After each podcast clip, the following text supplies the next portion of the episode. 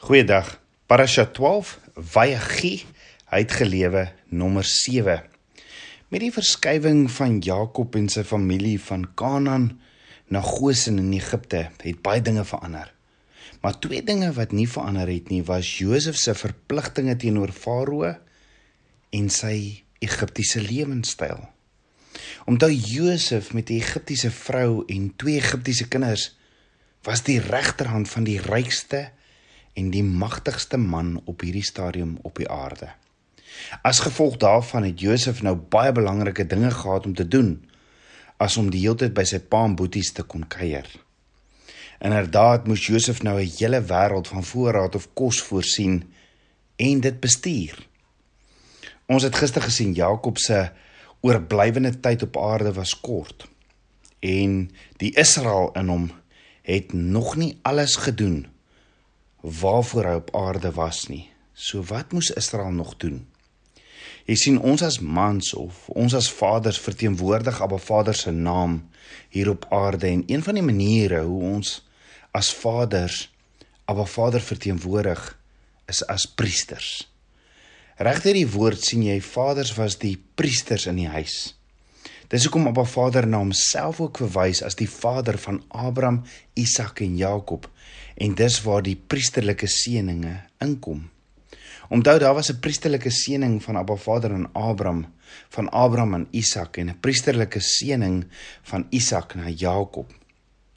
En net so was daar net so is dit nodig vir 'n priesterlike seëning van Jakob na sy seuns. Maar voor ons verder gaan, Hoekom kon priesterlike seëninge van die vaders, hoekom kom dit van die vaders af? Want die vaders was die priesters van die huis. Net so vandag nog is is ons as vaders veronderstel om die priesters in ons familie en ons huis te wees. So daar was egter dinge wat Israel moes gefinaliseer het en dit was om sy seuns te seën. Jakob se seëninge is baie baie belangrik en elke woord wat hy oor hulle lewe uitgespreek het is van kardinale belang. In Genesis 48 vers 3 tot 5 staan en Jakob het vir vir, vir Josef gesê God die Almagtige het aan my verskyn by Lus in die land Kanaan en my geseën en vir my gesê kyk ek sal jou vrugbaar maak en jou vermeerder en jou tot 'n menigte van die volke maak en ek sal aan jou nageslag na jou hierdie land as ewige besitting gee. Nou dan jou twee seuns wat vir jou in Egipte land gebore is voordat ek in Egipte na jou gekom het is myne. Efraim en Manasse sal myne wees net soos Reuben en Simeon. Dan in Genesis 48 vers 8 tot 9 staan verder: Toe Israel die seuns van Josef sien, sê hy: "Wie is dit?" En Josef antwoord sy vader: "Dit is my seuns wat God my hier gegee het." En hy sê: "Bring hulle tog by my dat ek hulle kan seën." Nou die feit dat Israel vra: "Wie is dit?"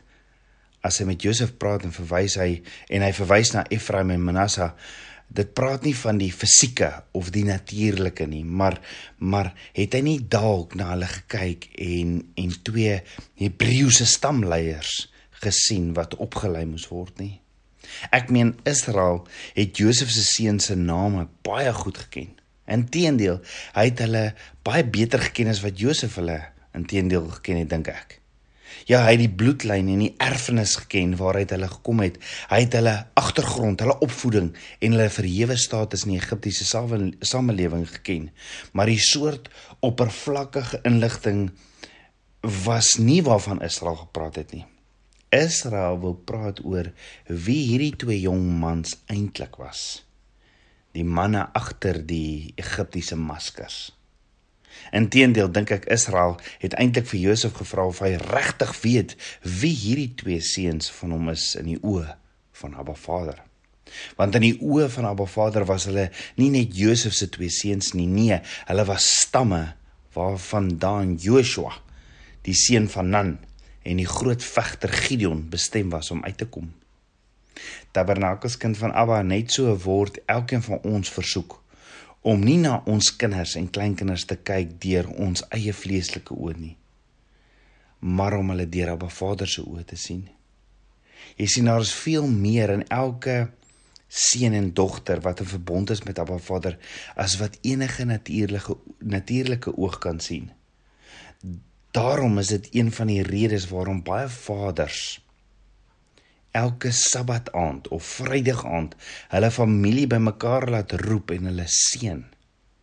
Ja baie vaders sal hulle seën seën en dan gewoonlik afsluit met die woorde mag julle wees soos Efraim en Manasseh. Die vaders wat dit doen sal ook hulle dogters seën en die seëninge van die dogters afsluit met die woorde mag julle wees soos Sara, Rebekka en soos Rachel en Lea. Maar die vraag is hoekom seën so baie vaders hulle seuns en dogters vandag nog so op 'n Vrydag aand of 'n Sabbat aand? Een van die redes is omdat Isak Jakob geseën het en omdat Israel sy seuns geseën het. Met ander woorde, omdat hierdie patroon duidelik in die woord gesien word. Dit staan geskrywe. Dis nie 'n wet nie. Nee, dis eintlik net 'n massiewe voorreg en 'n onmeetbare vreugde. Dit is 'n manier om op 'n Vader se woord na te volg en 'n vennootskap te tree en om heilig te wees soos hy sê ons moet heilig wees. Maar dalk vra jy maar, maar waarom word die seën van seuns en dogters en vrouens elke week dan op 'n op 'n Sabbat aand of Vrydag aand gedoen en nie op 'n ander tyd nie? Omdat Abba Vader op die sewende dag gerus het en die dag begin met die seën oor alles wat sy skepping uitmaak. Daar staan in Genesis 2 vers 2 tot 3 en God het op die sewende dag sy werk voltooi wat hy gemaak het en op die sewende dag gerus van al sy werk wat hy gemaak het en God het die sewende dag geseën en dit geheilig omdat hy daarop gerus het van al sy werk wat God geskaap het deur dit te maak. Met ander woorde in navolging met Abba Vader en deur sy leiding rus ek op die sewende dag en begin die dag met 'n seën oor alles waaruit my lewe bestaan, my vrou, my kinders, my druiwesap, die water en my brood. Maar hoor gou, voor Israel se familie geseën het met 'n geestelike erfenis, het hy eers gesien dat hy Manasse en Efraim, Josef se twee seuns van sy Egiptiese vrou, moes hy moes hulle aanneem Dit sal dan ook hierdie einste aangenome seuns wees wat dan ook die eerste seun sal ontvang. En daarom sê Israel in Genesis 48 vers 9 tot 10: "Bring hulle tog by my dat ek hulle kan seën." Maar Israel se oë was swaar van ouderdom. Hy kon nie sien nie en toe hy hulle by hom bring, het hy hulle gesoen en hulle omhels. Let wel, alhoewel Israel al 17 jaar in Egipte gebly het voor hy gesterf het, sê die woord nie vir ons dat hierdie seuns ooit regtig tyd saam met hulle oupa Jakob spandeer het in hierdie 17 jaar nie. Met ander woorde, Jakob het hulle nog nooit hande opgelê of geseën nie. En daarom vind daar eers 'n aanneming plaas. Nou 'n aanneming in praktyk vandag ook is 'n is 'n baie interessante konsep. Wanneer 'n aanneming plaasvind, is daar is daar nie net 'n nuwe verhouding tussen die aanneemvader en die kind nie, maar die verhouding tussen die natuurlike biologiese vader en die kind word ook beëindig. Met ander woorde, die man of die pa wat die vader was, is nie meer eintlik die vader nie en hy het nie meer enige verhouding met die kind nie behalwe wat die aanneemvader toelaat. Bewaring word ook eer gegee word ook eh, die bewaring word oorgegee van die biologiese vader na die aanneemvader. Alle besluite oor die kind se lewe word die besluit van die aanneemvader en die biologiese vader verloor alle regte en alle beheer. Nou toe Israel voorstel om Manasse en Ephraim aan te neem, was dit nie net 'n amazing of 'n lieflike gedagte nie. Nee, want as Josef ingestem het, sou hy sy eie seuns moes prys gee.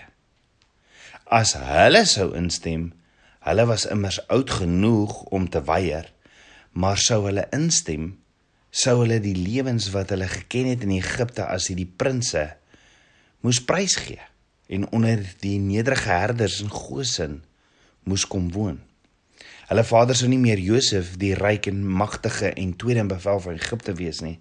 Hulle vader sou nou eerder hulle oupa Jakob wees, 'n man, 'n man wat beweer dat hy 'n verbond en gereeld praat met Jahwe Elohim, 'n godheid wat nie aan hulle grootouers, aan Efraim en Manasse se grootouers aan die moederskant of iemand anders in die Egiptiese samelewing geken is nie. En Josef, hulle pa, stem toe saam. En toe eer van die Bartem en en tot eer van die barmhartige een van Israel stem Manasse en Efraim toe ook saam. Daarom ook lê baie vaders hulle hande liefdevol op die hoofde van hulle seuns op op Vrydaande of Sabbatande en dan seën hulle hulle en hulle sluit hierdie seën met die volgende woorde af: Mag julle wees soos Efraim en Manasse. Wat beteken dit? Want sien elkeen van ons moet soos Efraim en Manasse kies watse leefstyl en erfenis ons verkies. Is dit die wêreldsin of om verbondskinders van 'n Vader te wees? Dis 'n keuse. En elkeen van ons kan die lewenstyl waarvoor Abba Vader ons geskep en waarvoor hy ons roep aanneem en daardie lewenstyl aan ons kinders en kinders se kinders oordra as 'n erfenis. Die punt is, dit hang alles af van my en jou. Elke keuse vereis egter dat jy iets wat die wêreld rondom ons, die Egiptiese wêreld, as waardevol en belangrik ag, dat jy dit sal prysgee in ruil vir iets wat die wêreld rondom ons as dom en sinneloos beskou. Elkeen van ons word ook elke dag met sulke keuses gekonfronteer. Ek meen hoe jy aantrek, hoe jy eet, hoe ons tyd spandeer, hoe ons op ons ouers reageer, hoe ons ons geld spandeer, hoe ons na die wêreld kyk, hoe ons oor ander mense dink en optree, hoe ons trou, hoe ons kinders opvoed en dissiplineer, wat ons belangrik ag en waaroor ons praat. Tog op elke lewensterrein kies ons die een of ander manier. So wat sal dit wees? Die wysheid van die wêreld, Egipte, of die ou verbondspad van Abba Vader van Abba Vader se van ons aardsvaders en van Abba Vader se woord. Mag ek, ek mag ek en jy altyd die regte keuse maak en mag jy inderdaad wees soos Efraim en Manasse wat onder dompeling in 'n omgewing van heidendom en onsedelikheid oorwin het en die afleiding van rykdom en posisie onder die heidene om 'n erfenis op te eis waarin hulle was deur die genade van Abba Vader ingewy en aangeneem het. So kan jy onthou wat gebeur het toe Isak Jakob geseën het as die eersgeborene in Esau se plek? Genesis 27 vertel vir ons die verhaal van hoe Jakob hom op 'n op 'n skaamtelose wyse in Esau se klere aangetrek het en hom aan sy pa Isak voorgehou het asof hy Esau was. Met in agneming van die manier waarop Jakob die eersgeborene seun ontvang het, hoewel hy nie die eersgeborene was nie. Net so het hy nie die seëninge van die eersgeborene aan een van die seuns wat hy verwek het oorgedra nie, maar aan 'n seun wat hy laat in sy lewe aangeneem het. Oorgegaan die seun wat gewoonlik vir die eersgeborene gereserveer was, het aan Efraim gegaan, die jongste van Israel. Se so twee aangenome seuns.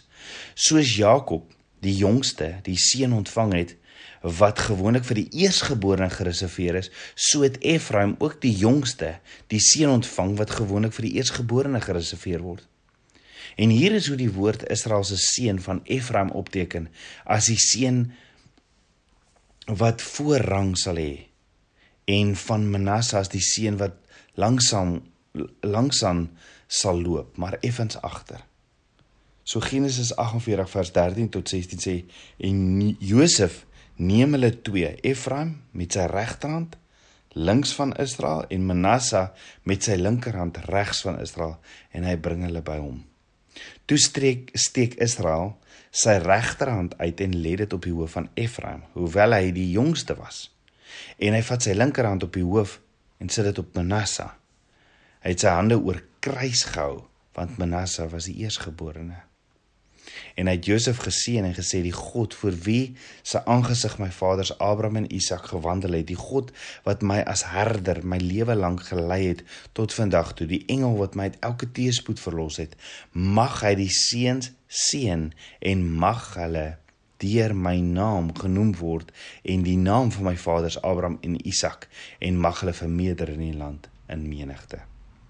So Jakob het vir Josef Jakob het vir het vir hulle eh, sy twee seuns Josef se seun gegee, maar let daarop dat Israel se seun vir Efraim en Manasse heeltemal anders was as die seun wat Isak jare gelede oor uitgespreek het. Hoor gou-gou, Isak se seun aan Jakob was hoofsaaklik fisies. Dit wat dit gaan oor rykdom, welvaart en invloedryk ehm um, dit, dit was invloedryk en en daar staan in Genesis 27 vers 28 tot 29 en mag God jou gee van die dou van die hemel en van die vetgrond van die aarde en oorvloed van koring en mos. Volke sal jou dien en nasies voor jou neerbuig. Wees 'n heerser oor jou broers en die seuns van jou moeder moet hulle voor jou neerbuig. Vervloek is hulle wat jou vloek en geseënd hulle wat jou seën. So Isak se seun aan Jakob het hoofsaaklik fisiese voordele, byvoorbeeld rykdom, welvaart en hoe invloedryk hy sal wees. Maar die seun wat Israel nou aan Efraim en Manasse gegee het, was hoofsaaklik geestelik. 'n Verhouding met Abba Vader. Oor hoe hulle Abba Vader sal leer ken as die herder en verlosser. Maar die vreemdste aspek van Israel se seun aan Efraim en Manasse as die ding wat hy met sy hande gedoen het toe hy hulle geseën het. Josef het die seuns vir Israel se seun op so 'n manier langsom laat kom staan dat Manasse die oudste seun aan Israel se regterkant sou wees en Efraim die jongste aan Israel se linkerhand sou wees. Maar Israel het letterlik sy arms voor Josef gekruis sodat sy regterhand wat krag en oorheersing verteenwoordig op Efraim die jongste seun sou wees in plaas van Manasse. So Israel steek sy regterhand uit en plaas dit op die hoof van Efraim al was hy die jongste seun. Hy plaas hy sy linkerhand op Manasse se kop en so het Jakob doelbewus sy hande gekruis al was Manasse die eersgeborene. Maar toe Josef sien dat sy pa sy regterhand op Efraim se kop gesit het, was was hy ontevrede. Hy het probeer om sy vader se hand van Efraim se kop af te lig en op Manasse se kop te plaas, maar Jakob sê in vers 19: Ek weet my seun, ek weet hy, Manasse, sal ook 'n volk word. Hy sal ook groot word. Nogtans sal sy jongste broer groter wees as hy en sy nageslag sal 'n menigte van nasie word. Weereens sien ons hoe die jonger een, die ouer een, die jonger een sal dien. So Jakob sê Efraim, die jonger broer, sal nog groter word want sien uit Efraim sou Joshua, die seun van Nun gebore word wat al die stamme van Israel sou lei om die beloofde land in besit te neem. So as 'n vader om 'n priester van die huis te wees. Waar begin dit? Dit begin by 'n verhouding met Abba Vader. Soos wat Jakob verander het na Israel en saam met Abba Vader wandel in 'n verbondsverhouding. So begin hierdie priesterskap in ons huis begin by my verhouding met Abba Vader. En wat is nodig vir enige verhouding? Goeie kommunikasie. Dit begin by 'n goeie aktiewe gebedslewe. En omdat Yeshua ons hoëpriester is, kan ons vandag ook met Abba Vader praat. Maar die realiteit is hoeveel kinders vandag het nog nooit eers gehoor hoe bid hulle pappas nie. Buiten om dankie te sê vir die kos nie. Jy sien 'n man, 'n vader, 'n priester van die huis is veronderstel om 'n baie sterk gebedslewe 'n lewende verhouding met Abba Vader te hê, om in verbond saam met Abba Vader te stap. Abba Vader sê in Spreuke 3 versies: "Ken hom in al jou weë, dan sal hy jou baie gelyk maak." En die vraag is: ken ons as vaders Abba Vader in alles? Ons kan nie Abba Vader in alles ken as ons nie met hom praat nie. Jy sien soms of soos wat jou vrou na na jou toe hardloop as daar 'n probleem is, so moet ons daardie probleem ook vat en na Abba Vader toe gaan met die probleem. En soos wat jou kinders na jou as vader toe hardloop met 'n probleem, net so moet ek en jy na Abba Vader toe hardloop met hulle probleem. Ons draai alles na Abba Vader toe. Ons ken hom in alles. Die vraag is wanneer laas het ons ons kinders vasgehou vir hulle gebid of 'n priesterlike seëning oor hulle uitgespreek? Hoekom doen? Hoekom dit doen? Want Abba Vader het ons as vaders, die priesters van die huis gemaak. Jy sien die geveg is in die gees. En dis 'n werklikheid. En hoe ons die geveg in die gees wen, is op ons knieë as vaders deur vir ons kinders te bid en deur hulle te seën. Hoekom nie? Kom ons bid saam. Abba Vader, skepper van hemel en aarde, ek loof en prys U. Yeshua, dankie, dankie dat U my hoëpriester is. Dankie vir die prys wat U betaal het en dat en dat ek met met Papa God kan praat. Dankie dat ek om kan nader deur die bloed van die lam. Vader, leer ons as vaders om U in alles te ken. Neem U bestuur oor van my lewe. Vader vergewe my my sondes en kom was my met die waterbad van u woord. Vader, ek wil u roeping vir my as priester aanvaar. Dankie vir die voorreg. En Vader, ek wil met u praat oor alles. Ek wil u ken in alles. Leer my asseblief, Papa God, meer en meer van u. Ek bid dit alles in Yeshua, Hamasieg se naam, die seun van Jahweh. Shalom.